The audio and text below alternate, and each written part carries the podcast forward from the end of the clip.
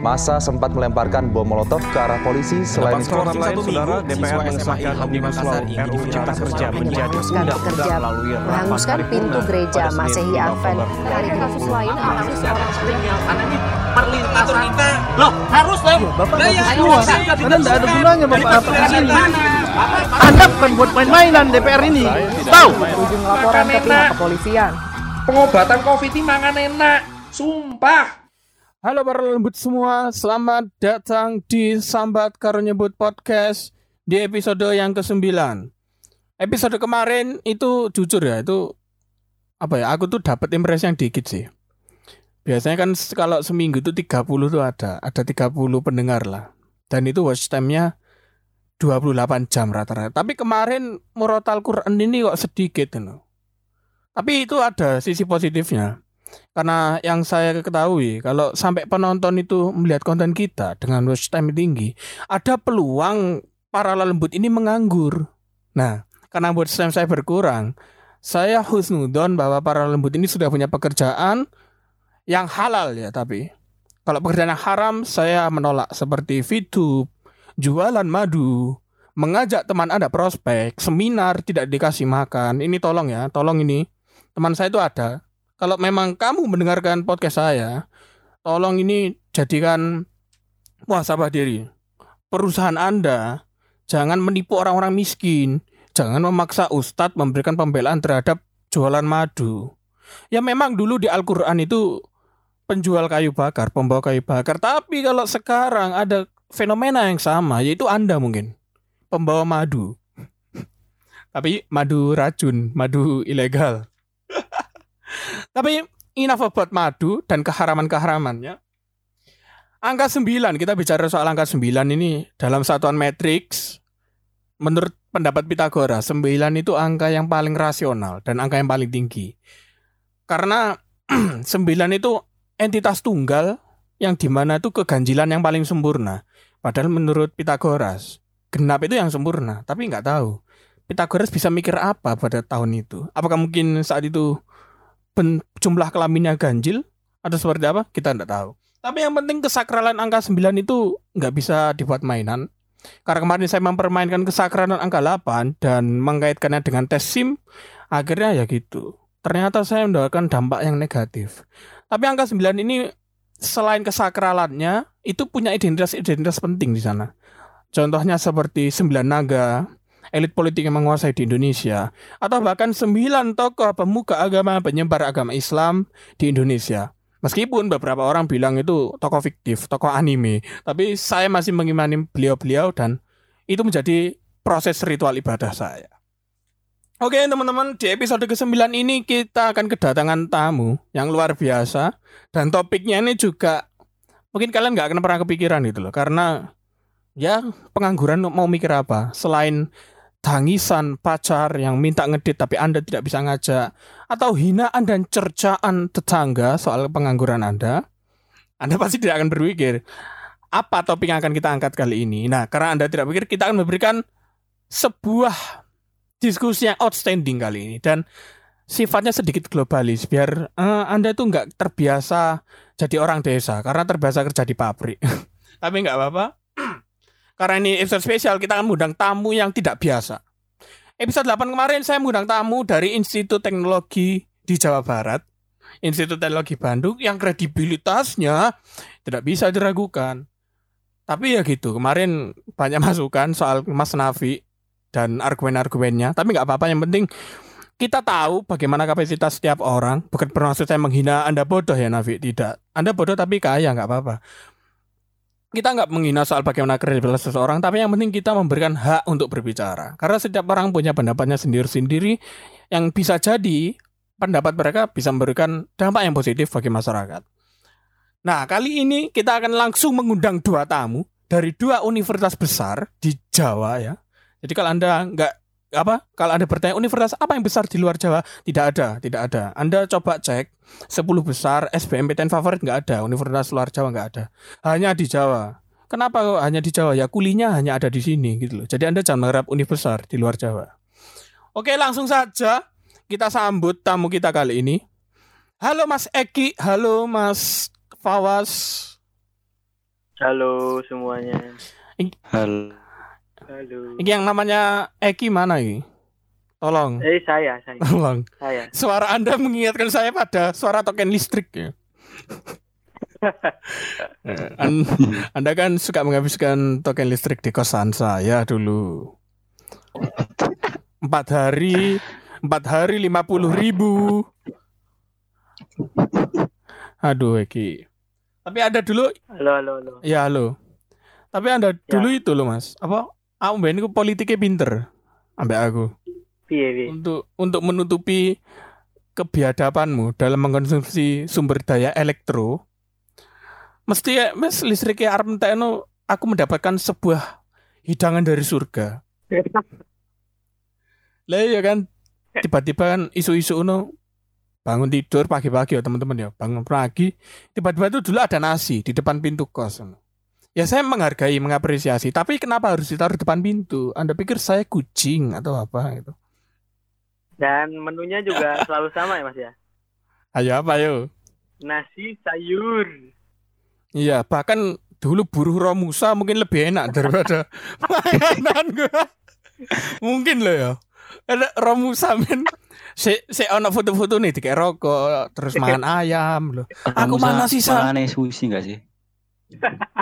Iya, sushi, sushi itu daging pekerja paksa yang mati itu dibuat sushi dulu. Sama Sama sausnya saus aspal. saus apa aspal ngono. Terus anu bobane ku oli. Wah. Romusa, Romusa. Tapi ya anu ya, Pak. ya. Apa sekarang posisi di mana, Mas Eki? Saya masih di tempat di tanah air ter- di tempat saya yang tercinta yaitu Banjarmasin, Kalimantan Selatan. Hmm. Banjarmasin yang sempat kena terorisme itu ya, Mas ya. anda tahu, Anda pintar, Anda pintar. Suka Ya, ya mengikuti dong. berita. Ya kalau saya tidak mau tahu info, saya nggak bisa menghina orang dong. Tapi anu, iki Mas Fawas, halo Mas Fawas. Halo Mas Fawas. Halo. Waduh, ini sinyalnya kok terhambat. Ini posisi lagi di mana Mas? Apakah sedang berada di pelusuk dunia timur atau sedang berada di mana nih kok? Sinyal Anda terganggu. Terus saya emang biasa anu Mas, eh Halo, halo, halo. giliran. Enggak, enggak la- lagi itu ya, di- apa jam di, di rumah jam. Oh, sik di rumah ya berarti. Iya. ITB belum masuk ya ITB ya? Kampus tercinta para lembut. Belum, belum, belum. Oh belum ya. Soalnya kemarin tamu saya yang kemarin itu sempat ke Bandung naik kereta dan saya- membereskan kos-kosan. Saya beda karo sama apa sama Nafi itu beda. Saya ITB-nya Babarsari. ITB Babarsari, Institut Iya, Institut teknologi Babarsari. Teknologi Babarsari. Iya, Betul sekali. merakit pisau. Karena di Babarsari itu buat teman-teman lembut ya. Di Babarsari itu ini nggak menyinggung etnis tertentu. Itu didominasi sama orang timur. Nah, sering kali terjadi pembunuhan di sana. Ya mungkin ITB-nya ITB-nya di sana membuat teknologi senjata tajam kan kita nggak tahu. Atau senjata api atau pelatuk otomatis yang ngedor ketika azan bunyi kan nggak tahu. Mas Najam, tapi ITB-nya bisa diartikan dua loh Mas.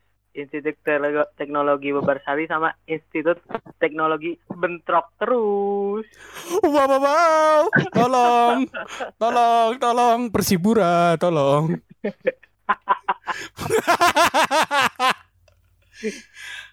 Tapi anu ya, iki aku boleh tanya jurusan dari masing-masing dari jenengan KB gak Mas? Eki iki jurusan apa Mas sampean?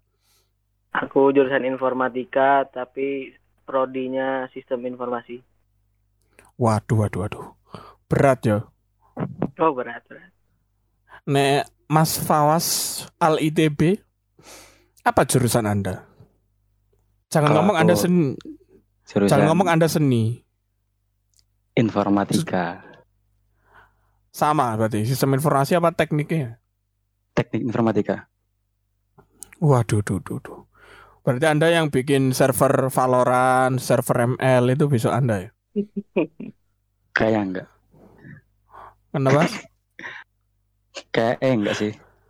Ya itu itu langkah yang bagus karena ML ini pembawa kemudorotan yang besar. no. Saya setuju. Orang orang-orang memilih top up daripada zakat. Ini ML, tolong ML. ML tolong perusak agama ML. saya lebih baik bikin apa mengembangkan TikTok daripada ML. Oh, wah, wah, wah, wah. Karena Anda Anda bisa berdakwah di TikTok, tapi tidak mungkin berdakwah di ML. Eh, iya sih. ML itu setauku kalau misalnya ya di zaman ini aja ada ijtima ulama lah misalnya. Mungkin ML ini akan dihukumi najis mughaladzah. Jadi kalau habis main ML itu harus mandi besar. Tangan tangan ini harus dibasuh dengan air tujuh kali dicampur dengan sperma mungkin. Nggak debu lagi. Jadi amis amis amis licin gitu Pak. Kok main karambol gitu loh. Tapi apa kabarnya sehat kabeh ya? Karena sing aman. sempat tertular ya. Alhamdulillah sehat. Soalnya tuh sing kan sekarang masih covid lah ya. Sudah ini satu tahun.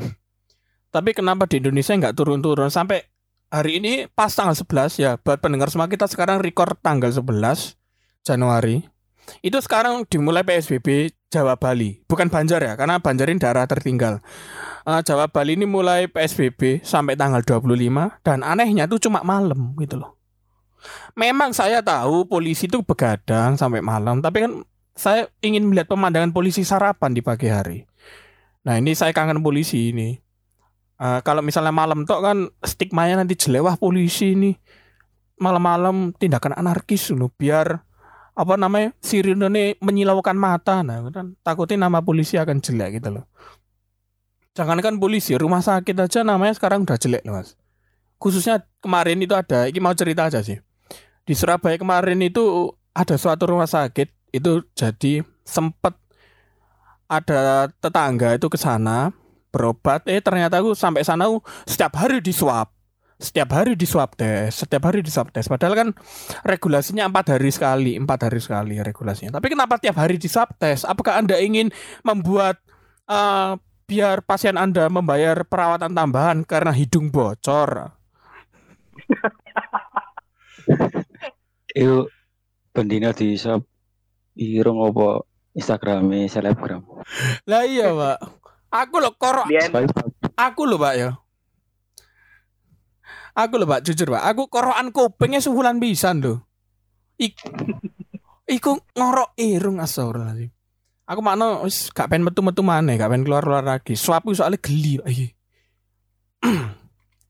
dan mahal. Aduh aduh pemerintah pinter memang berbisnis di tengah pandemi. Influencer influencer kan dokter Tirta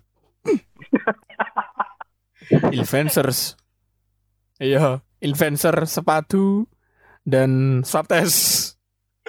Brand ambassadornya. tapi anu mas ya. Eh, selain apa yang paling aktual ini swab test kemarin kita sempat heboh. Sempat heboh soal WhatsApp aplikasi sejuta umat. WhatsApp ini aplikasi sejuta umat kemarin membuat kebijakan baru yang di mana memberikan ketakutan terhadap para pengguna nih, iya kan gitu mas. Eh, kemarin yang aku baca sumber dari detik.com bahwa WhatsApp ini membuat kebijakan soal distribusi data penggunanya kepada pihak ketiga yang di mana pihak ketiganya itu Facebook dan setauku yang dari ku baca itu tujuannya adalah mengurangi maintenance pembiayaan dari pengelolaan server WhatsApp itu sendiri dan yang kedua itu gunanya buat mendukung akun bisnis di WhatsApp biar bisa di maksudnya apa dihubungkan dengan akun Facebook. Tapi sing tak pernah kan mungkin ini tujuannya kan bagus kan Mas ya. Karena pandemi ini semua perusahaan besar-besar pun juga sedang mengurangi biaya maintenance gitu termasuk WhatsApp sendiri. Cuma kenapa kok banyak apa ya ketakutan-ketakutan yang terjadi di antara para pengguna ini Mas. Mungkin ada referensi biar kita paham bareng gitu loh, Mas. Maksudnya kebijakan WhatsApp ini kenapa kok mengambil kebijakan yang seperti ini gitu. Jadi aku mau mulai dulu ya. Jadi penjelasan singkat. Eh, WhatsApp ini kenapa eh, kontroversi akhir-akhir ini? Ini dari sumbernya CNN Indonesia, CNBC sama Teknokompas, yaitu pertama bagaimana WhatsApp memproses data pengguna itu. Terus yang kedua bagaimana bisnis dapat mengakses layanan di Facebook untuk menyimpan dan mengolah obrolan WhatsApp. Terus yang ketiga yaitu WhatsApp bermitra dengan Facebook untuk menawarkan integrasi yang lebih dalam di semua produk perusahaan. Jadi uh, tidak hanya Facebook dan WhatsApp sebenarnya. Jadi ada perusahaan pihak ketiga yang bakal bisa menggunakan data-data yang sudah di store sama WhatsApp itu sendiri. Jadi yang datanya pun nggak sedikit ya. Maksudnya ada identifier, data usage, purchases, pembelian, lokasi, user content, diagnostik, banyak lah pokoknya. Yang itu pun nggak terlalu anu ya maksudnya kalau di aplikasi platform chatting itu nggak terlalu penting untuk dikoleksi suatu perusahaan. Itu sih sebenarnya. Jadi ini memang pure buat memperkaya lah bahasanya. Memperkaya perusahaan-perusahaan besar ini Facebook sama satu ini. Gitu sih. Oh mungkin anu mas ya. Uh, ini ini teori abal-abal sih. Mungkin pihak ketiga itu tadi yang punya kontrak yang tidak dipublikasi terhadap pengguna, misalnya kayak Amazon lah mungkin ya. Mungkin loh ya ini teori abal-abal. Kita ambil contoh misalnya Amazon ini butuh eh, data-data pengguna dari WhatsApp untuk menjaring pelanggan biar lebih mudah. Mungkin gitu mas. Kayak memprom misalnya ada diskon apa itu bisa dikirimi promosinya lewat WhatsApp. Mungkin kayak gitu mas mungkin tujuannya dari pihak ketiga ya mas iya bisa. Soalnya kan kalau misalnya data purchases atau data pembelian itu kan kita bisa tahu cenderungnya suatu orang ini dia suka beli apa dan terakhir apa ngetrack dia pencarian di suatu e-commerce di suatu apa di marketnya kan di WhatsApp kan ada WhatsApp for Business ya. Jadi kan dia kalau misalnya beli ah. suatu di kategori apa dia kan bisa di track jadinya kan jadi di situ dia bakal ngasih iklan produk yang satu jenis lah bahasanya gitu sih jadi kan kalau misalnya data ini diberikan eh, uh, kepada orang yang cocok jadi kan dia kalau ngiklan kan nggak sia-sia kan jadi langsung difokuskan ke uh, sebagian orang yang memang menginginkan produk tersebut gitu sih jadi penting data itu oh berarti memang uh, kalau dalam ilmu manajemen itu berarti memang pure buat yeah. targeting konsumen ya. Ini yeah. mungkin salah satu ya Mas ya. Buat targeting konsumen biar bisa memberikan rekomendasi-rekomendasi toko-toko apa yang cocok buat konsumen itu lewat track recordnya transaksi yeah, dia benar, lewat benar. WhatsApp itu Mas. Tapi kan sebenarnya kalau kita berbicara salah satu tujuan ini kan kita berbicara soal salah satu tujuan Mas ya kalau kita lihat dari uh, tujuan WhatsApp dan Facebook ini berbagi data kasarannya kan sebenarnya kan bagus juga buat targeting ke konsumen yang tepat dan mengurangi biaya advertising gitu kan mas. Buruk buruknya buruknya di mana mas sebenarnya mas? Ini akan masyarakatnya belum tahu. Uh, salah satu yang bikin takut kan beberapa tahun lalu ya. Uh. Facebook tuh ada apa namanya? namanya kasus sama uh, terkait pemilihan presiden di Amerika. Oh iya ya mas. Jadi ya kan uh, Facebook kan punya data pengguna penggunanya ya. Nah dia tuh tahu mana pengguna yang dukung Trump, mana yang uh, apa nggak nggak dukung Trump. Ketika dia tahu satu apa satu user nih dukung Trump di beranda Facebooknya dia bakal dikasih iklan-iklan atau berita-berita berita baik tentang Trump. Jadi dia tuh semakin mendukung Trump. Tapi kalau ternyata dia dia apa nggak dukung Trump, dia tuh dikasih buruk-buruknya dari dari Donald Trump itu mas ya. Dia tuh biar apa salah satu strategi politik lah. Hmm. Nah kan itu sempat dikasuskan juga. Kan. Oh kan? iya. Iya nah, itu kita, namanya skandal Cambridge Analytica yang ya, Cambridge Analytica itu salah satu nama perusahaannya. 87 iya, juta pengguna. Uh, sampai pada tahun 2014. Oh, makanya pas pas itu kan 2014 aku masih SD Mas. Baca berita tuh Facebook itu digugat sama pihak-pihak tertentu soal enkripsi kan. Akhirnya kan mulai 2014 itu mulai muncul teknologi yang diusung sama siapa namanya sih? Sama perusahaan aku lupa namanya. Signal anu The Signal Protocol. Itu akhirnya perusahaan The Signal Protocol itu pas 2014 itu seingatku menawarkan eh, apa namanya? fitur baru terhadap semua aplikasi messaging end to end encryption. Ya kan, Mas? Yang sampai sekarang masih valid dan masih dipercaya sebagai enkripsi paling aman di aplikasi messaging kan gitu mas.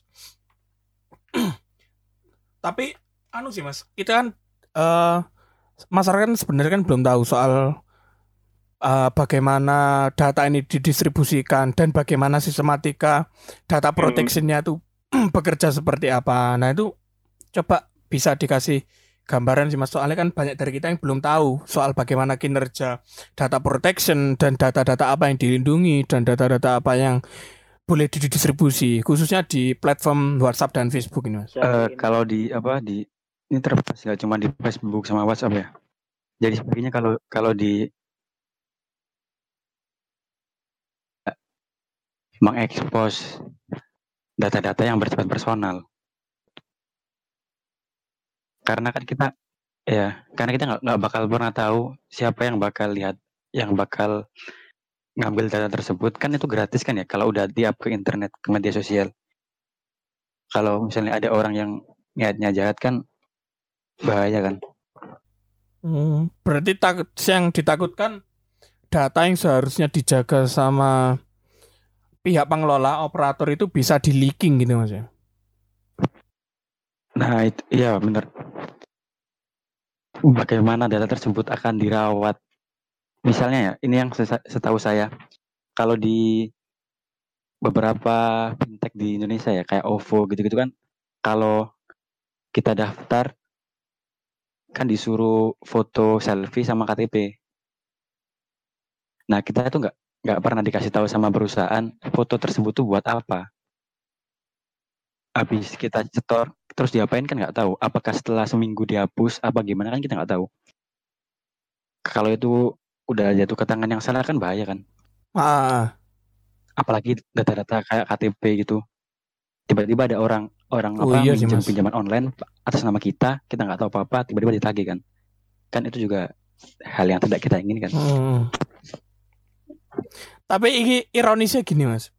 Dulu, dulu itu di aplikasi perpesanan, messaging, chat atau media sosial yang memuat data personal kita dulu ancaman itu hacking.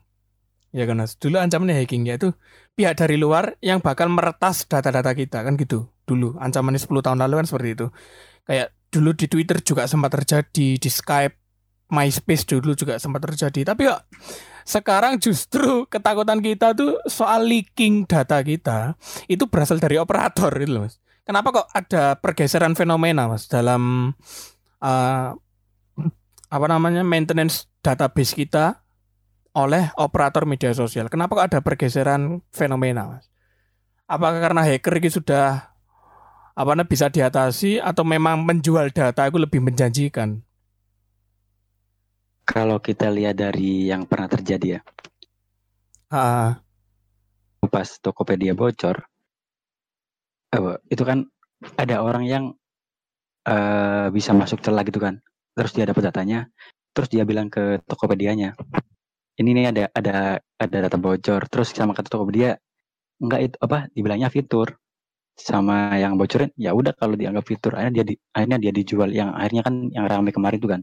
Oh iya ya. Nah, terus dari dari undang-undang juga kan ada yang namanya RUU PDP. Nah, itu masih RUU belum disahkan. Kalau mungkin udah disahkan, mungkin keamanan data kita bakal lebih terjamin.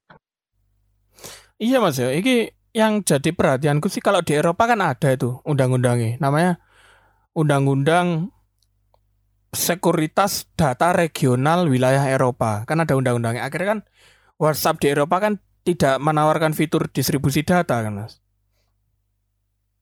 Tapi kok, Iya, jadi jadi kemarin ya sempat viral juga kan karena Eropa cuman Eropa yang tidak membagikan da- WhatsApp bagian Eropa yang cuman tidak membagikan datanya.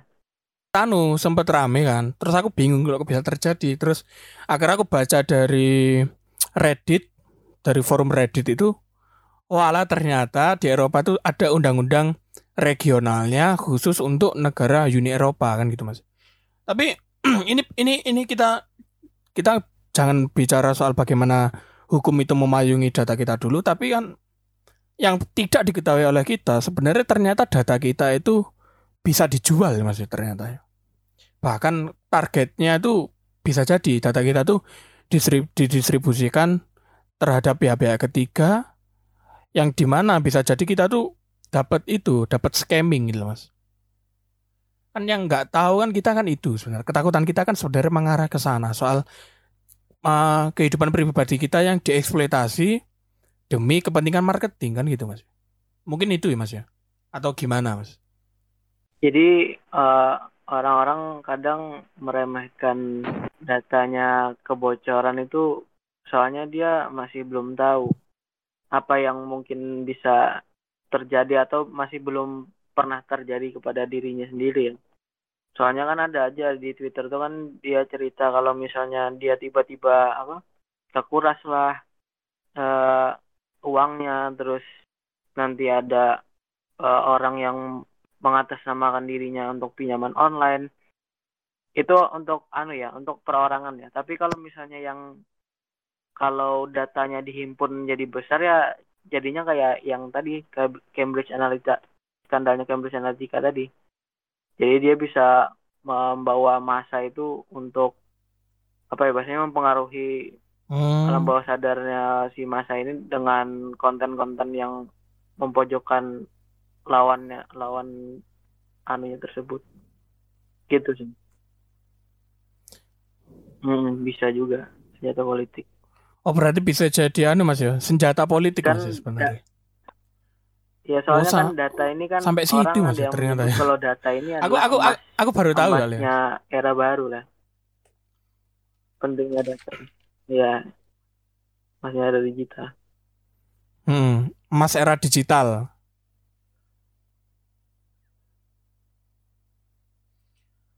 Hmm, oke oke.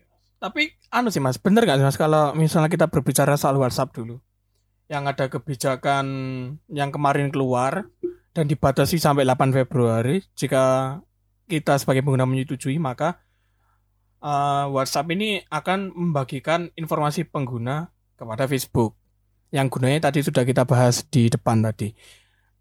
Tapi ini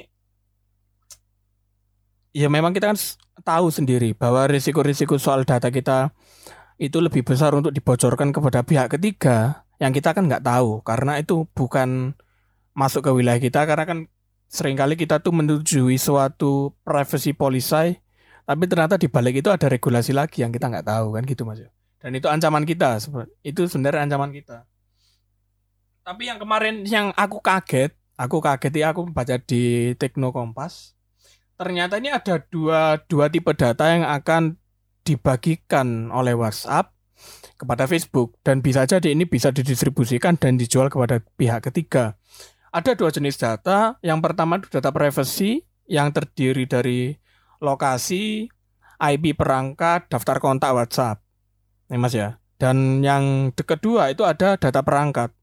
Yaitu uh, WhatsApp itu bakal membagikan informasi kita secara live soal level baterai, level sinyal, versi aplikasi, nomor telepon kita, operator seluler sampai HP yang kita pakai.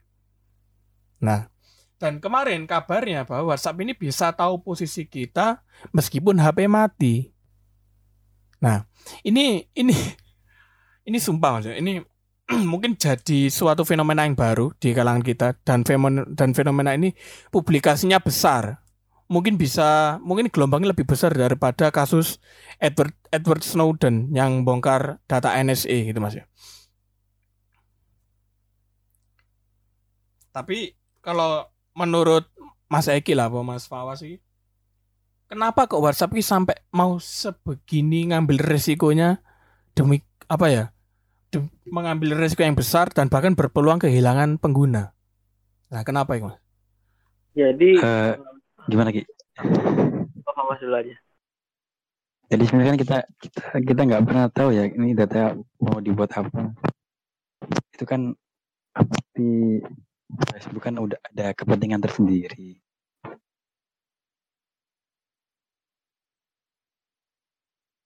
Ya mungkin ada kepentingan-kepentingan yang ya. Kalau kalau eh, kalau apa? Lihat kejadian-kejadian yang udah terjadi beberapa aktivis itu kan ada yang tiba-tiba ditangkap itu kan gara-gara WhatsAppnya di itu bisa terjadi. Nah, saya juga kurang tahu sebenarnya.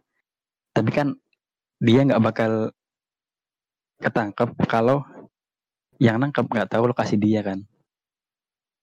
Nah mungkin salah satunya lewat WhatsApp itu kan dia bisa ngasih lokasi kita secara real time kan bahkan saat HP-nya mati. Nah mungkin kalau kita yang orang biasa biasa yang nggak terlalu penting tidak begitu terasa ya efek, efek tidak begitu khawatir tapi kita nggak pernah tahu ke depannya bakal terjadi apa. Hmm, berarti memang ini berarti kita ini sekarang harus seperti apa? Apakah kita harus tetap berada di aplikasi WhatsApp ini yang jelas-jelas memberikan ancaman tersendiri buat data privasi kita atau ada cara lain atau kita harus pindah ke aplikasi tertentu yang menawarkan keamanan yang lebih baik atau gimana, Mas? Jadi bentar ya yang jawab yang tadi kenapa suatu perusahaan WhatsApp berani ngambil berani mem, apa bahasanya mempertaruhkan dengan dia mengambil apa data-data itu. Ke, Jadi ah. high, high chance, high risk. Jadi ketika uh, peluangnya gede, itu pun resikonya gede. Jadi kalau misalnya dia berhasil atau misalnya uh, orang nggak tahu kalau dia memanfaatin data, kan peluang apa? Jadi kan bahasanya apa ya? Jadi keuntungannya kan besar buat dia. Tapi ketika dia ngambil high chance tadi, dia bakal dapat high risk kalau misalnya ketahuan. Makanya resikonya gede. Salah satu resiko yang besar itu pun terjadi. Kena, sekarang Telegram itu hampir 500 juta yang hampir pengguna WhatsApp yang kemarin pindah ke Telegram tuh 500 juta. Itu yang Telegram belum belum yang Signal ya. Jadi nah. itu kenapa mereka bahasanya berani-beraninya lah ngambil data orang banyak itu itu sih. Oh iya mas, berarti ya WhatsApp ini gambarnya dia aku main main kayak main kartu. Mm -hmm. Dan WhatsApp ini gampangannya gue un, apa ya? Kalau kita main kartu, main bridge, itu bisa mengeluarkan kartu asil mas. Mm -hmm. Dan ternyata musuh-musuhnya punya kartu as lebih banyak gitu loh. Tapi kan sebenarnya intinya atau sebenarnya uh, kita cari sebagai pengguna aplikasi chat itu kan yang kita cari itu pertama mobilitas pasti itu. Soal bagaimana aplikasi itu bisa digunakan di berbagai platform kan itu yang pertama mungkin mobilitas. Yang kedua kan pasti itu end to end encryption soal keamanan privasi kita gitu kan Mas. Tapi kok WhatsApp ini malah menggunakan data kita yang sebenarnya sifatnya privacy dan lebih intim itu kok bertujuan untuk targeting pasar pihak ketiga. Padahal kan sudah ada sudah ada platform lain yang sudah memberikan fasilitas itu, tapi kenapa WhatsApp ini malah justru memberikan fasilitas soal targeting marketing yang lebih menguntungkan pihak ketiga daripada penggunanya? Apakah WhatsApp ini memang sekarang sedang kolaps atau seperti apa, Mas? Menurut pandangan nih Mas Eki lah, apa siapa Mas Fawas? Jadi ada sebuah kutipan ya. Di kutipan ah. ini, uh,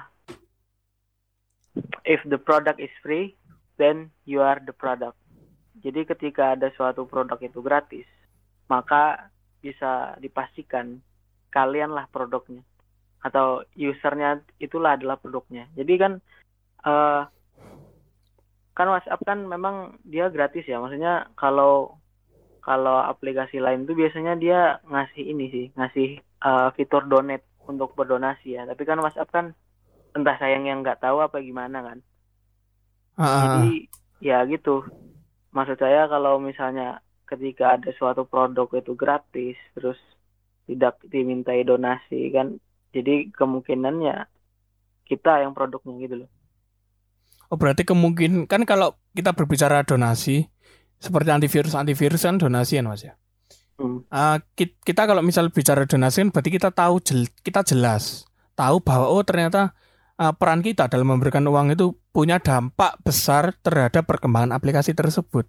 Kayak Spotify kita kan langganan itu sebenarnya kan juga bagian dari donasi kan mas. Cuma Hmm, iya. kes- kes- cuma kesannya itu lebih ada sesuatu yang dijual daripada menarik simpati dari penggunanya kan gitu.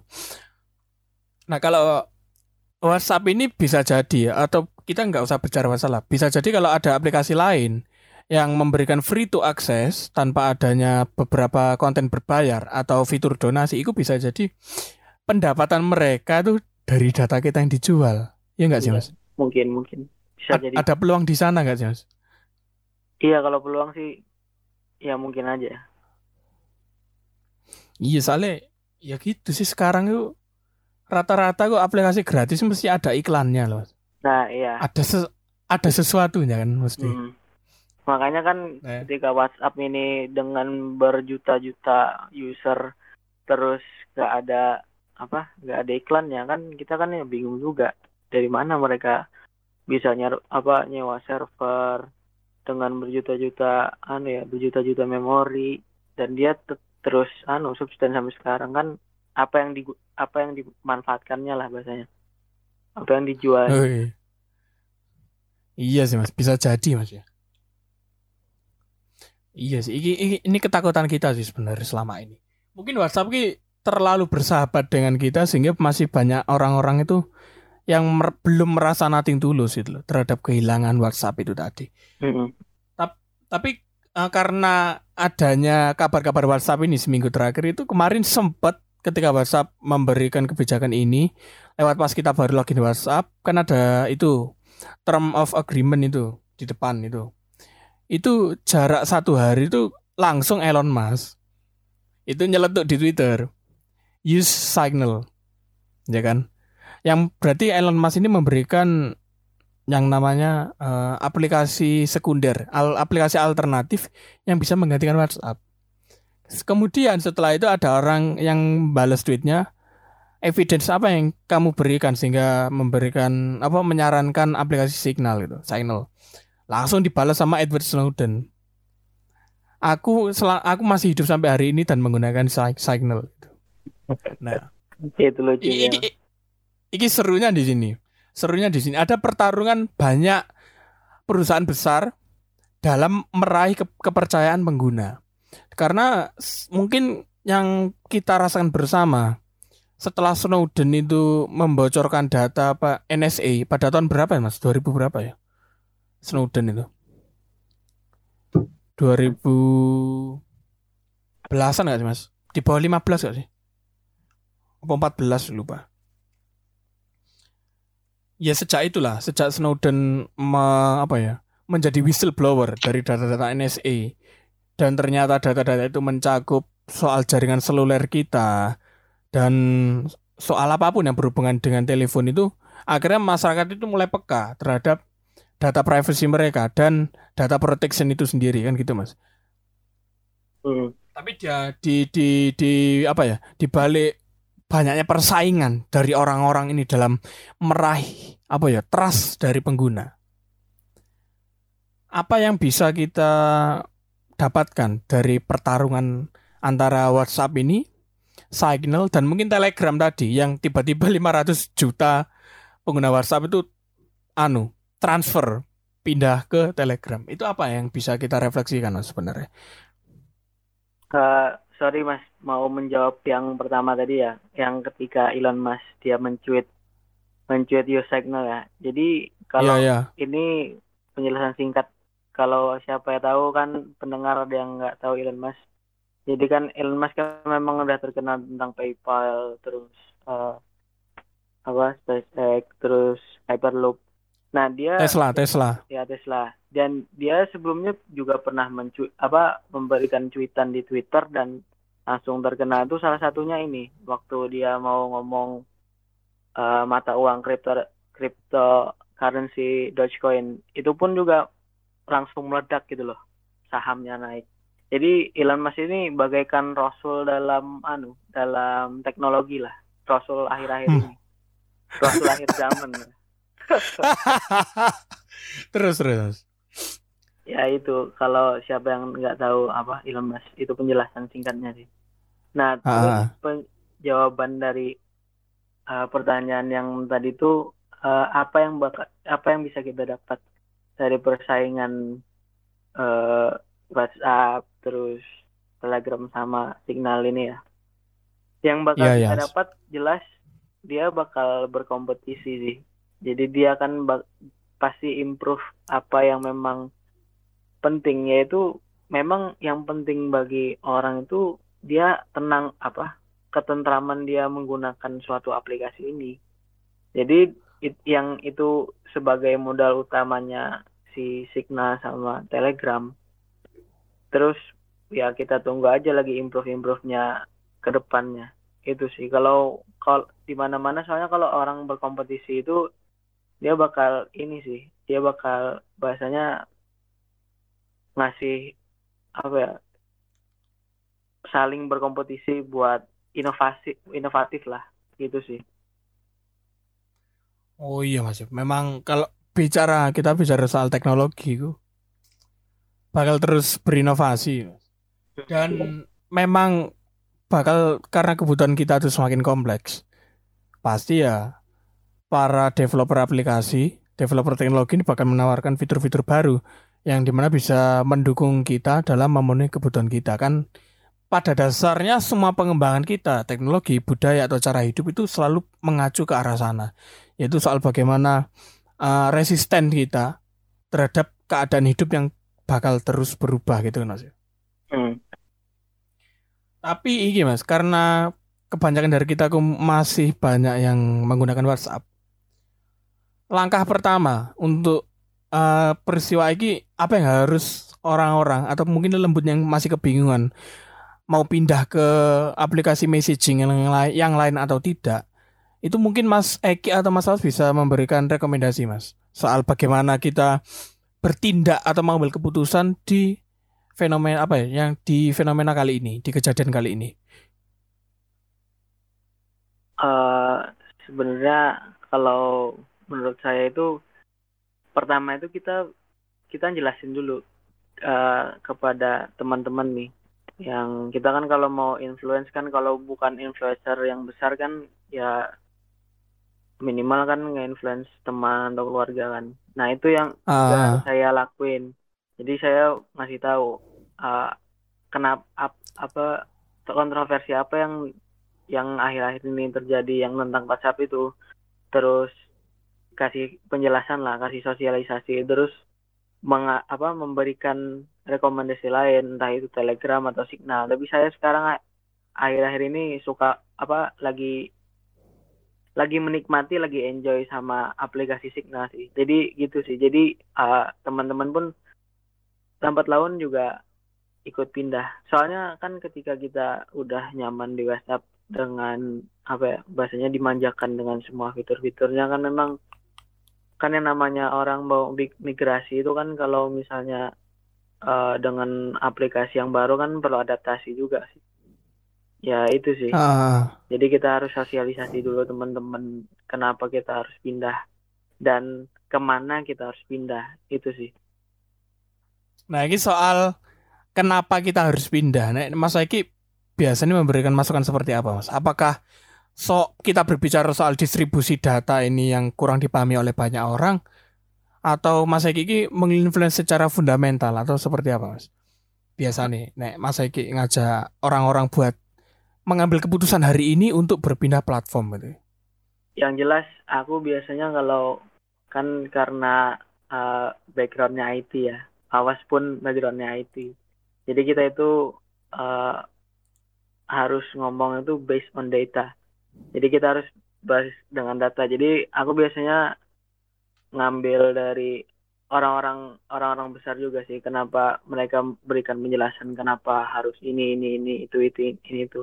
Tapi kalau misalnya kita mau apa menjelasin kepada teman-teman yang memang bukan background IT biasanya kita harus jelasin membahasakan kita kepada orang awam. Jadi ya biasanya pakai kalimat-kalimat simpel sih jadi ya Hmm, gitu, tapi ya kita kasih juga referensinya gitu sih Ah, kita berbicara referensi mas. Iki, iki lucu. Ada kemarin aku baca berita. Ini kebetulan aku pertama apa ya first impressionku ke berita itu mm, apa ya sarkasiknya tuh kental banget. Dan ini bikin aku ngakak sih. Awal-awal aku baca. Kemarin itu pendiri Telegram Pavel Pavel Durov itu memberikan perihal jadi reaction soal kebijakan yang diberi yang diberikan WhatsApp yang seolah-olah memaksa pengguna untuk menyetujui kebijakan mereka soal distribusi data dengan Facebook. Kan gitu Mas. Nah, akhirnya ini kemarin eh, Durov ini mengeluarkan statement bahwa saya dengar Facebook memiliki departemen yang dikhususkan untuk mencari tahu mengapa Telegram begitu populer. Bayangkan, lusinan karyawan bekerja penuh waktu hanya untuk kepentingan usaha saya. Terus dilanjutkan, saya dengan senang hati memberikan rahasia kami secara gratis, yaitu hormati pengguna Anda. Nah ini perlu digarisbawahi, hormati pengguna Anda. Yang di mana kebutuhan dari para pengguna aplikasi messaging ini kan yang paling penting itu pertama mungkin kan privasi kan itu mas ya privasi mobilitas yang aplikasi itu bisa digunakan di mana-mana dan mungkin yang sangat dibutuhkan akhir-akhir ini itu soal transfer transfer file kan itu mas Nah, kalau Signal ini apa? Apa keunggulan Signal ini yang bisa mendorong banyak konsumen dari WhatsApp untuk pindah platform gitu, Mas? Kan kan ini Mas Eken sudah pakai Signal ini. Keuntungan yang dirasakan selain soal enkripsi end to end yang lebih aman apalagi, Mas? Fawas juga pakai kok. Jadi kemarin waktu apa waktu tahu signal itu saya juga ngajak Fawas. Mungkin Fawas bisa jelasin gimana mas? Nah. Gimana Mas Fawas? Aku juga baru-baru pindah, bukan pindah sih, nyoba-nyoba. Jadi mas, Gimana Mas? eh, pertama kalau kita biasanya ya tentu mas ya, kalau kita misal buka website apa install sesuatu, daftar sesuatu, pasti kan ada kayak agreementnya atau aturan-aturannya. Hmm, Kita kan terms, asal, terms asal- of ya, agreement. terms agreement, kita kan asal pencet accept gitu kan. Ah, ah, ah. tanpa kita kita baca. Nah, eh, kita nggak kalau kita nggak kan kita nggak tahu bahwa sebenarnya tuh si perusahaan perusahaan itu udah ngasih tulisan izin mau masuk rumah Hmm. baca. Terus kita tinggal accept. Nah, kan kita nggak nggak tahu kan kalau kita udah ngasih izin untuk masuk ke rumah dan kita nggak tahu kapan mereka masuk ke rumah, mereka ke rumah mau ngapain karena kita emang nggak tahu kalau kita udah izinin kan akan terjadi hal-hal yang tidak diinginkan yang kita nggak pernah tahu. Hmm. Makanya kali ini kan katanya Pak Velur kan hormati pelanggan Anda gitu kan. Ah, ah. Nah, Oh berarti anu mas ya, memang perusahaan itu khususnya yang di mana membutuhkan data pengguna memang harus benar-benar transparan gitu loh di terms of agreement-nya. Iya gak sih mas? Soalnya kan sing tak lihat tuh, yang tak lihat tuh akhir-akhir ini aplikasi messaging itu cuma memberikan izin mengakses GPS, mengakses file, kontak dan sebagainya, tapi kan nggak ada tujuan apa yang sebenarnya mereka kenapa kok butuh data kita kan gitu loh mas? nah Mungkin itu juga sih. itu juga bahaya. Kita nggak pernah tahu apa yang mereka lakukan dengan data kita. Nah, yang saya rasakan di Oh. Signal, yang setahu saya, eh, yang di selalu di dikedepankan si- Signal sama Telegram kan tentang privasi ya. Jadi Ah, mereka ah, mereka tuh nggak ngambil nggak mengganggu privasi kita sebagaimana aplikasi lain. Jadi teman-teman Ah. mungkin bisa coba-coba aja Signal, nggak harus langsung pindah kok dari WhatsApp. Ya karena memang banyak hal yang harus dikerjain lewat WhatsApp kan. Masa tiba-tiba langsung live group family kan? dicari nanti. Oh iya, apalagi grup grup, grup agama Mas ya. Hmm. Iya. Misalnya bikin grup agama Islam terus left. Apalagi orang garis kanan. Ah. Hmm. Gantian tiba-tiba kan ditelepon terus tiba-tiba takbir kan nggak lucu kan? Kenapa Anda seolah-olah sedang mencoba membangkitkan mengedutensi Zetsu Putih? Kenapa? Anda lupa Zet- Zetsu Putih itu bisa pindah antar dimensi loh. Hati-hati. Oh iya, iya. bahaya ya mas ya. Iya bahaya dong.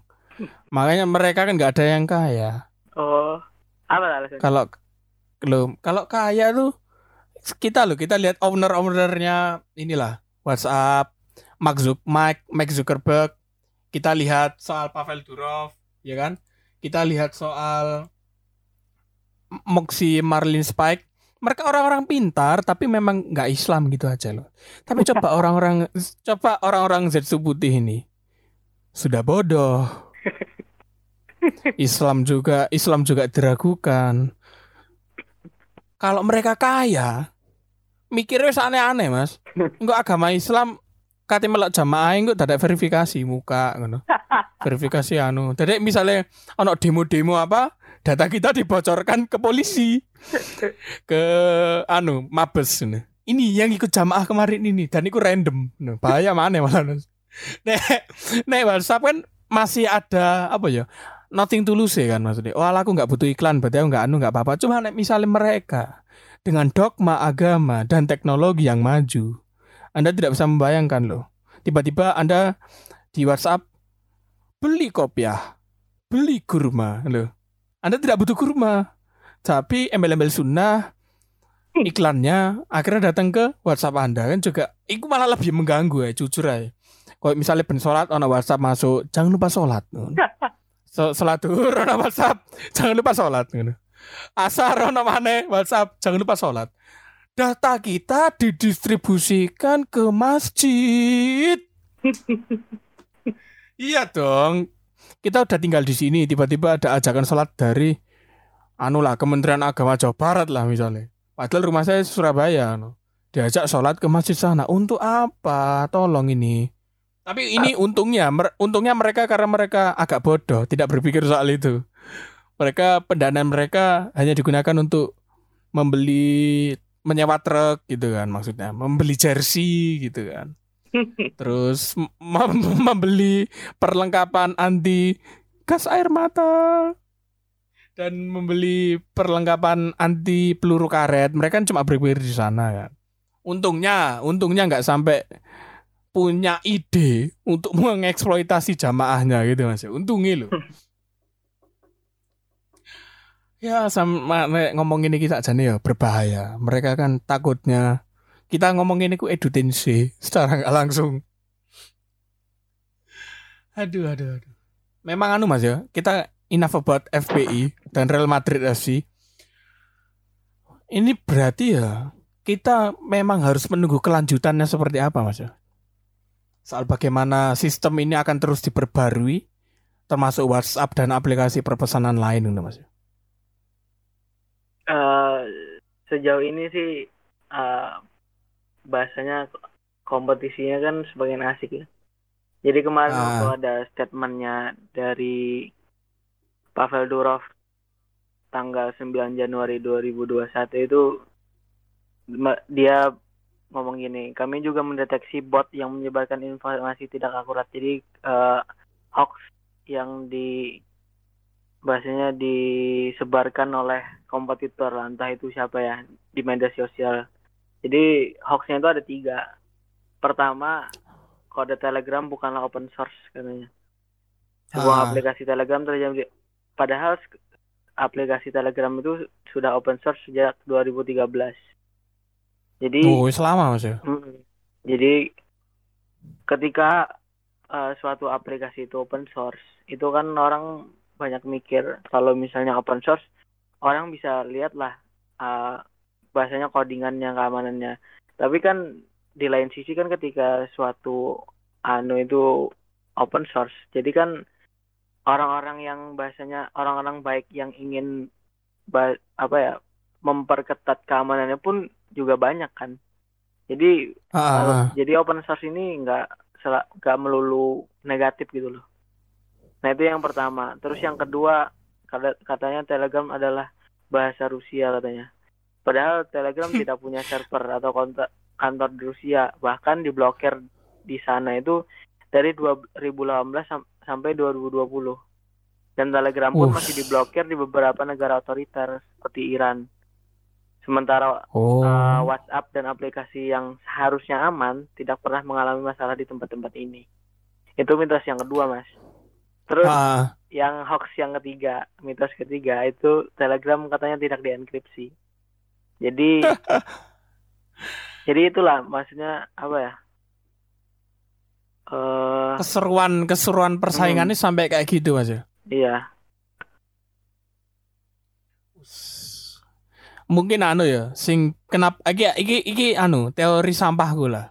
Abal-abal. Teori abal-abalku mungkin kenapa kok Telegram itu eh, diblokir di beberapa negara? Ya itu membuktikan kredibilitas Telegram. Hmm. Kan gitu dong. Wong saya tuh pernah kan di Instagram tuh ngakses yang namanya Discover, Discovery. Itu ngakses-ngakses. Nah, di sana rata-rata kalau ada grup-grup LGBT, grup-grup feminisme, grup-grup uh, pengajian sunnah yang di mana di masyarakat itu tidak dikonformitas itu rata-rata linknya mesti telegram bahkan bokep itu tuh linknya telegram berarti kan sebenarnya semakin banyak komunitas-komunitas yang melenceng dari masyarakat yang mereka menggunakan aplikasi tertentu itu berarti kan membuktikan bahwa itu semakin aman kan gitu Hmm. kan Soalnya nggak ada. soalnya Facebook pun menghabiskan 10 miliar untuk pemasa pemasaran. Sedangkan Telegram itu tidak pernah mengeluarkan uang apa apalagi sampai 9 dolar dolar untuk pemasaran. Makanya eh, pihak Telegram pun percaya kalau misalnya para pengguna itu cukup pintar untuk memilih yang terbaik bagi mereka kata Pavel Durov tadi dan dilihat dari Hmm. setengah miliar orang yang menggunakan Telegram keyakinan itu pun benar gitu loh adanya Oh, akhirnya kita tahu ya di dalam Islam kenapa kita tidak boleh membenci orang pendosa karena kita tahu manfaatnya ya akhirnya. Ternyata mereka ternyata mereka bisa jadi indikator keamanan suatu aplikasi ternyata. Enggak, soalnya ini Mas, eh, yang namanya kebenaran itu apa ya? Bahasanya tuh hakiki, Mas. Maksudnya tidak memandang agama ini A, agama B, agama C enggak. Jadi kalau misalnya memang yang namanya data pengguna ini penting ya dan harus dipertahankan oleh eh, bahasanya se- se- apa bahasanya semua individu ya, masing-masing individu ya ah. ya amat ya gimana ya? Ya ya benar aja gitu loh. Hmm. Iya, Mas Mas Ri kan aku tadi ngomong gitu kan. Ternyata tuh s- selama ini yang kita pelajari dalam ah, sosial kita untuk tidak membenci orang-orang yang menyimpang. Ternyata kali ini kita melihat manfaat aslinya ya, manfaat langsung ya. Ternyata buat ini buat teman-teman ya yang kemarin sering marah-marah karena ditawari grup of Telegram Open BO, grup Telegram LGBT dan bokep. Akhirnya Anda kan tahu sekarang kenapa mereka ada di Telegram gitu kan. Akhirnya Anda akhirnya Anda sekarang tahu. Nggak mungkin loh akun Ustadz itu masuk Telegram tuh nggak mungkin. Tidak mungkin dong.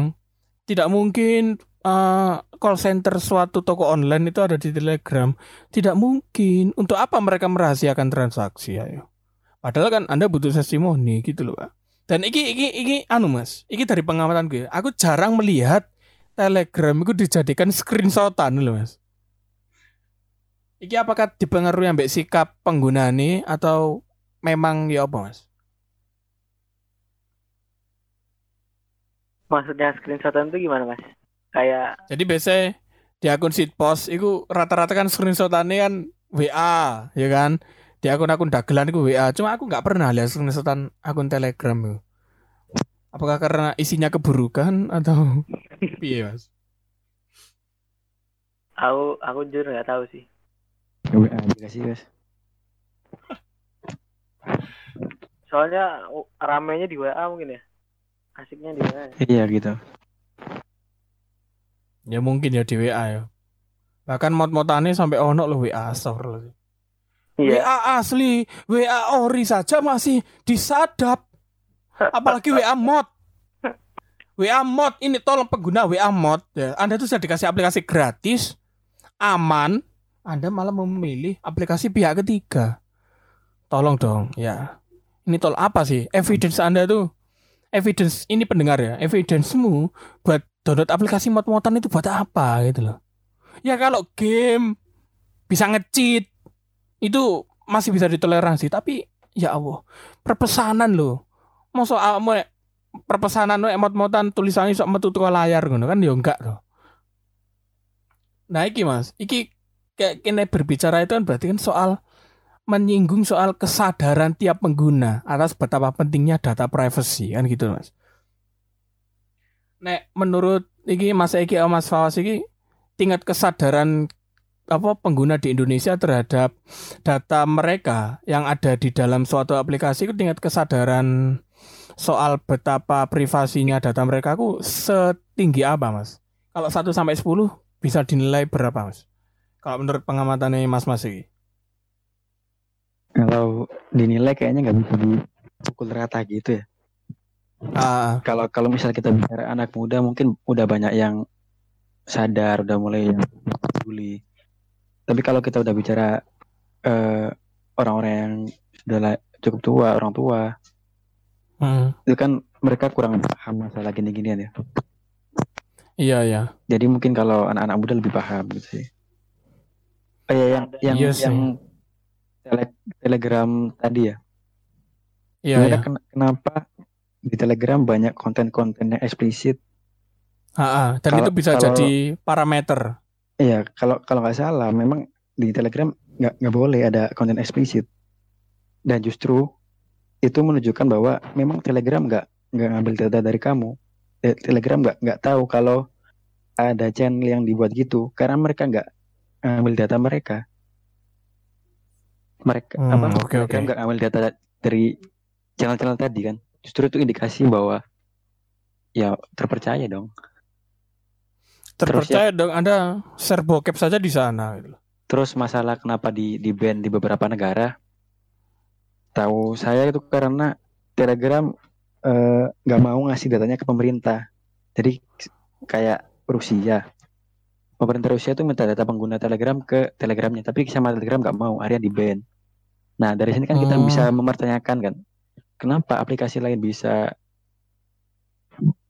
masuk ke negara tersebut?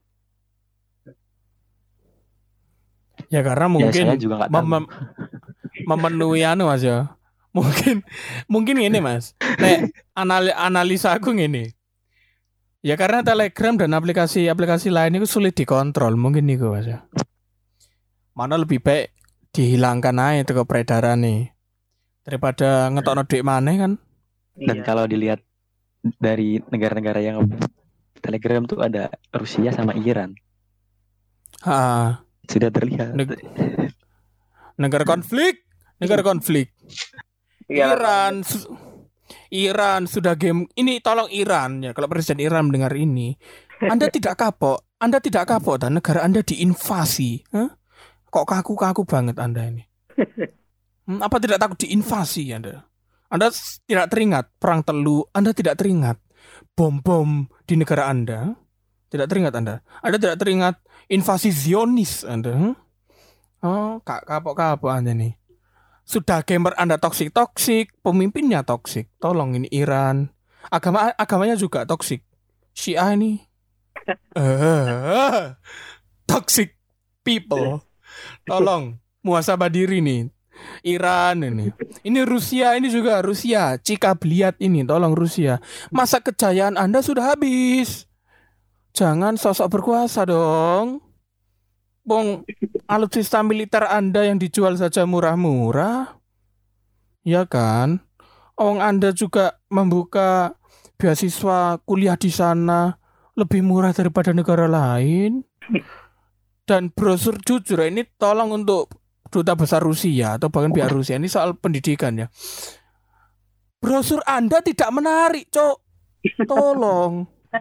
Saya saya tidak saya tidak tertarik melihat menara kembar di Rusia, melihat salju, tapi percuma di sana kontrol saya tidak aman percuma. Tolong ini, sudah ada korbannya, sudah ada korbannya. Alturah wal Partayana. Sudah ada korbannya. Jadi ini Rusia, Rusia ini tolong jangan kaku-kaku negara Anda ini. Wong Telegram ini mendukung keamanan warga negara Anda kok malah nafsu Anda soal memata-matai mereka ini besar gitu loh. Ya Ini- m- mungkin takutnya ada yang makar nggak nggak ketahuan gitu ya. Terkontrol. Ya kalau gitu negara Anda jangan luas-luas dong. Kecil-kecil aja. Maksa mentang-mentang negara kuat loh. Ya kalau mau gampang dikendalikan ya negara Anda dikecilkan gitu loh, Pak. Wilayah Anda jangan luas-luas. Percuma yang ramai pinggir-pinggirnya tok tengah-tengahnya kosong gitu loh. Aduh, aduh Rusia ya gak apa-apa. Setiap negara pasti punya kebijakannya tersendiri dan mereka juga punya ideologi tersendiri kan soal bagaimana menyikapi aplikasi-aplikasi itu terhadap kedaulatan negara kan ngono Mas. ya. Kira-kira kan seperti itu. Terus ini Mas, karena kita tadi sudah bicara banyak soal urgensivitas urgensitas kedaruratan kita, soal kita harus menyadari bahwa data privasi kita penting. Terus kita tadi bicara soal data privasi dan perlindungannya. Terus kita bicara soal persaingan yang seru antara tiga perusahaan besar, korporat besar ini. Dan apa ya? Sampai merasa ironis nggak mas ketika banyak orang yang ternyata aku belum tahu menau soal bagaimana ternyata uh, pengguna itu selama ini jadi bahan jualan. Mas Eki mungkin bisa ditanggapi atau Mas Fawas anak ITB? Ya, makanya itu kan memang jadi tanggung jawab kita anak anak-anak IT lah bahasanya kan yang lebih paham apa ya lebih paham bidangnya lah yang menjadi bagian yang edukasi. Jadi kan memang apa ya eh, kita ini sebagai influence lah influence. Meskipun kita nggak nggak nggak bisa ngelantas orang banyak kan jadi minimal lah keluarga kita teman-teman kita kita kita kasih pemberitahuan kalau bahwasanya data itu penting Iya sih mas. gitu sih Kita ya kalau mau jadi influencer juga harus kaya, harus menarik gitu kan. Tapi rata-rata kan, itu kalau mau gayet ya dong. Sama ada itu satu lagi mas. kaya Ada satu lagi kriteria nih, biar bisa menarik banyak masa. Bikin sangi. Hmm. Apa Wow, wow, wow, wow, wow. Bikin ngaceng, bikin pengen coli. Tolong influencer. Anda itu menarik kita karena kita ngaceng, bukan Anda pintar. Tolong, tolong, tolong, tolong, tolong. Anda bikin kami ngaceng. Rat Indonesia penuh dengan hawa nafsu, penuh dengan sperma dan tisu amis. Tolong ya, ini es breaking aja. Jadi memang buat para pendengar semua, lembut semua, bahwa data privasi kalian itu penting, identitas kalian itu penting, dan dunia kita sekarang nggak berbicara soal apa yang kita lihat, tapi kita itu ternyata terlibat dalam suatu sistem yang mengharuskan kita uh, resisten terhadap bagaimana kondisi hidup kita sekarang ini. Dan yang paling penting itu tadi, yang sudah kita diskusikan soal ternyata data itu penting dan sepenting itu loh data. Itu yang perlu kita sadari. Yang kedua adalah cari kita harus bisa mencari uh, wadah apa yang bisa kita jadikan wahana ekspresi cuma itu bebas gitu loh. Tidak ada keterikatan apa pun di dalamnya khususnya dalam aplikasi perpesanan gitu loh. Itu yang perlu kita sadari bersama dan yang ketiga ternyata risiko-risiko dari data kita jika tersebar itu sangat kompleks gitu loh dan kita harus menyadari itu gitu loh ya teman-teman ya. Dan kita sudah berdiskusi selama satu jam 10 menit bersama Mas Eki Alfian Nur. IG-nya apa sampai Mas? Eki Alfian Nam Nur dan Eki Mas apa? Eki Enam Alfian. Sorry, sorry, ini ini Eki ini contoh Alfian. pas ini Mas Eki ini contoh ketika lahir namanya tuh kopioan ya Eki. Ganti-ganti. Mana ganti-ganti. Eh, Mas Fawas, anak ITB yang tercinta, apa akun Instagram Anda? Mungkin ada yang mau meretas akun Anda karena pendapat Anda yang sangat keras tadi.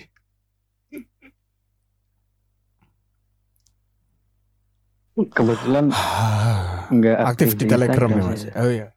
Oke oke oke. Ini ini nanti nanti saya edit ya. Saya kasih tit gitu. Karena saya tahu. Enggak mas, aktifnya, aktifnya. Tinder, Bigo Live, Semule, aplikasi ngaceng. Aplikasi ngaceng gitu. Kalau saya percaya Dajjal, saya percaya Dajjal bisa bikin aplikasi. Itu tiga aplikasi itu. Tinder, Bigo, Semule, aplikasi ngaceng. Makanya kalau saya lihat orang ada yang solawatan di Semule, itu solawatan apa ngaceng? Tolong. Kalau Tinder kan ya itu memang aplikasi maksiat, jadi ya biasa bisa ditoleransi. Tapi kalau Semule Anda campur solawat, TikTok yang kemarin Anda campur sholat jamaah, astagfirullahaladzim, itu bahayanya lebih besar daripada data Anda bocor. Tolong itu harus harus disadari itu ya. Oke, karena diskusi kita sudah sangat panjang dan ini tadi kita rekaman jam 11 malam karena tamu-tamu saya ini bangsat semua. Dan kita tuh kita nunda berhari-hari lah jadi Pak kayak gini ya asu asu. Ngenteni PSBB paling ya. Soalnya pas PSBB mungkin lebih aman kita di rumah dan lebih kondusif, lebih konsentrasi. Dan selain itu kita menunggu pembubaran FPI biar konten kita tidak dimasukkan dalam video dakwah satu menit ini. Tolong ini FPI. Tolong. Dakwah potong-potong satu menit. Dakwah biasanya potong-potong. foto kelanjutannya follow akun di bawah. Hobi solawat hobi bersolawat hobi ngaji. Santri kalem. Tolong tolong tolong tolong tolong ini. Ini astagfirullah Makanya kita menunggu pembubaran FPI Real Madrid FC karena ya itu tadi mencegah konten ini masuk dalam video dakwah satu menit. Nah, karena ke- karena kebetulan uh, pelatih anda juga sedang mengalami hukuman jeruji, jadi jadi tidak ada sinyal di penjara ya. Saya tahunya itu. Jadi komandan anda sedang kehilangan sinyal di penjara suci. Ya. Oke teman-teman, semoga kalian semua tetap sehat. Jangan lupa tetap jaga prokontoler, eh protokoler, tetap jaga protokol. Jam-jam mau ngasih anu apa Apa? kalimat penutup eh, informasi penutup. Oke oke oke. Jadi karena kita ini kan ngomongin privasi data kan. Jadi ini ada tiga situs buat ngecek apakah data kalian sempat bocor ya udah bocor lah ya. Jadi ada tiga yaitu monitor.firefox.com, Oke. yang kedua itu have I been pwned.com, jadi have I been found.com. Terus yang ketiga itu periksadaata.com. Yang kalau periksadaata.com ini yang ngembangin tuh orang Indonesia, Mas Teguh Aprianto. Oh oke Jadi oke. ketua ketua anu ethical hacking Indonesia. Jadi bisa dicek di situ.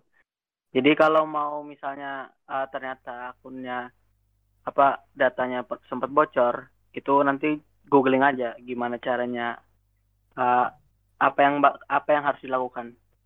Nanti kan soalnya kalau saya ngomong lagi kan nanti podcastnya dua jam. Wow wow. wow.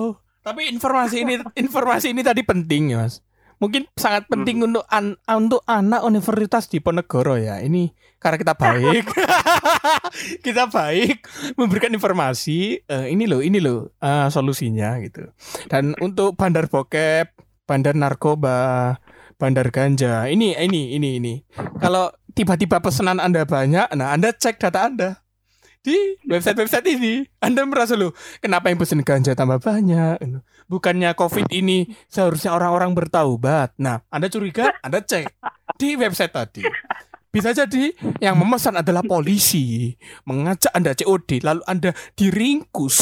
Nah, makanya ini untuk bandar bokep juga. Kenapa kok tiba-tiba banyak orang masuk? Apakah mereka komunitas agama? Kan grup mereka sudah bubar. Cia. Oke teman-teman, terima kasih karena sudah mendengarkan diskusi kita kali ini. Dan Mas Awas, Mas Eki, terima kasih sudah meluangkan waktunya. Siap, siap. Apalagi Mas Eki yang informatif sekali dan Mas Fawas yang analisisnya sangat tajam. Dan kita beruntung banget di Indonesia punya dua orang ini. Karena rata-rata lulusan Iya, rata-rata kan lulusan tek teknik informatika menjadi tukang servis laptop, tukang servis komputer. Tapi dua orang ini memberikan pandangan yang lebih luas daripada sekedar mengganti motherboard dan mengecas laptop. Oke, teman-teman, terima kasih semuanya. Semoga kalian tetap sehat. Jangan lupa memakai masker kalau nongkrong. Rokoknya jangan minta teman, tapi beli. Oke, teman-teman, terima kasih. Selamat malam dan kita ciao.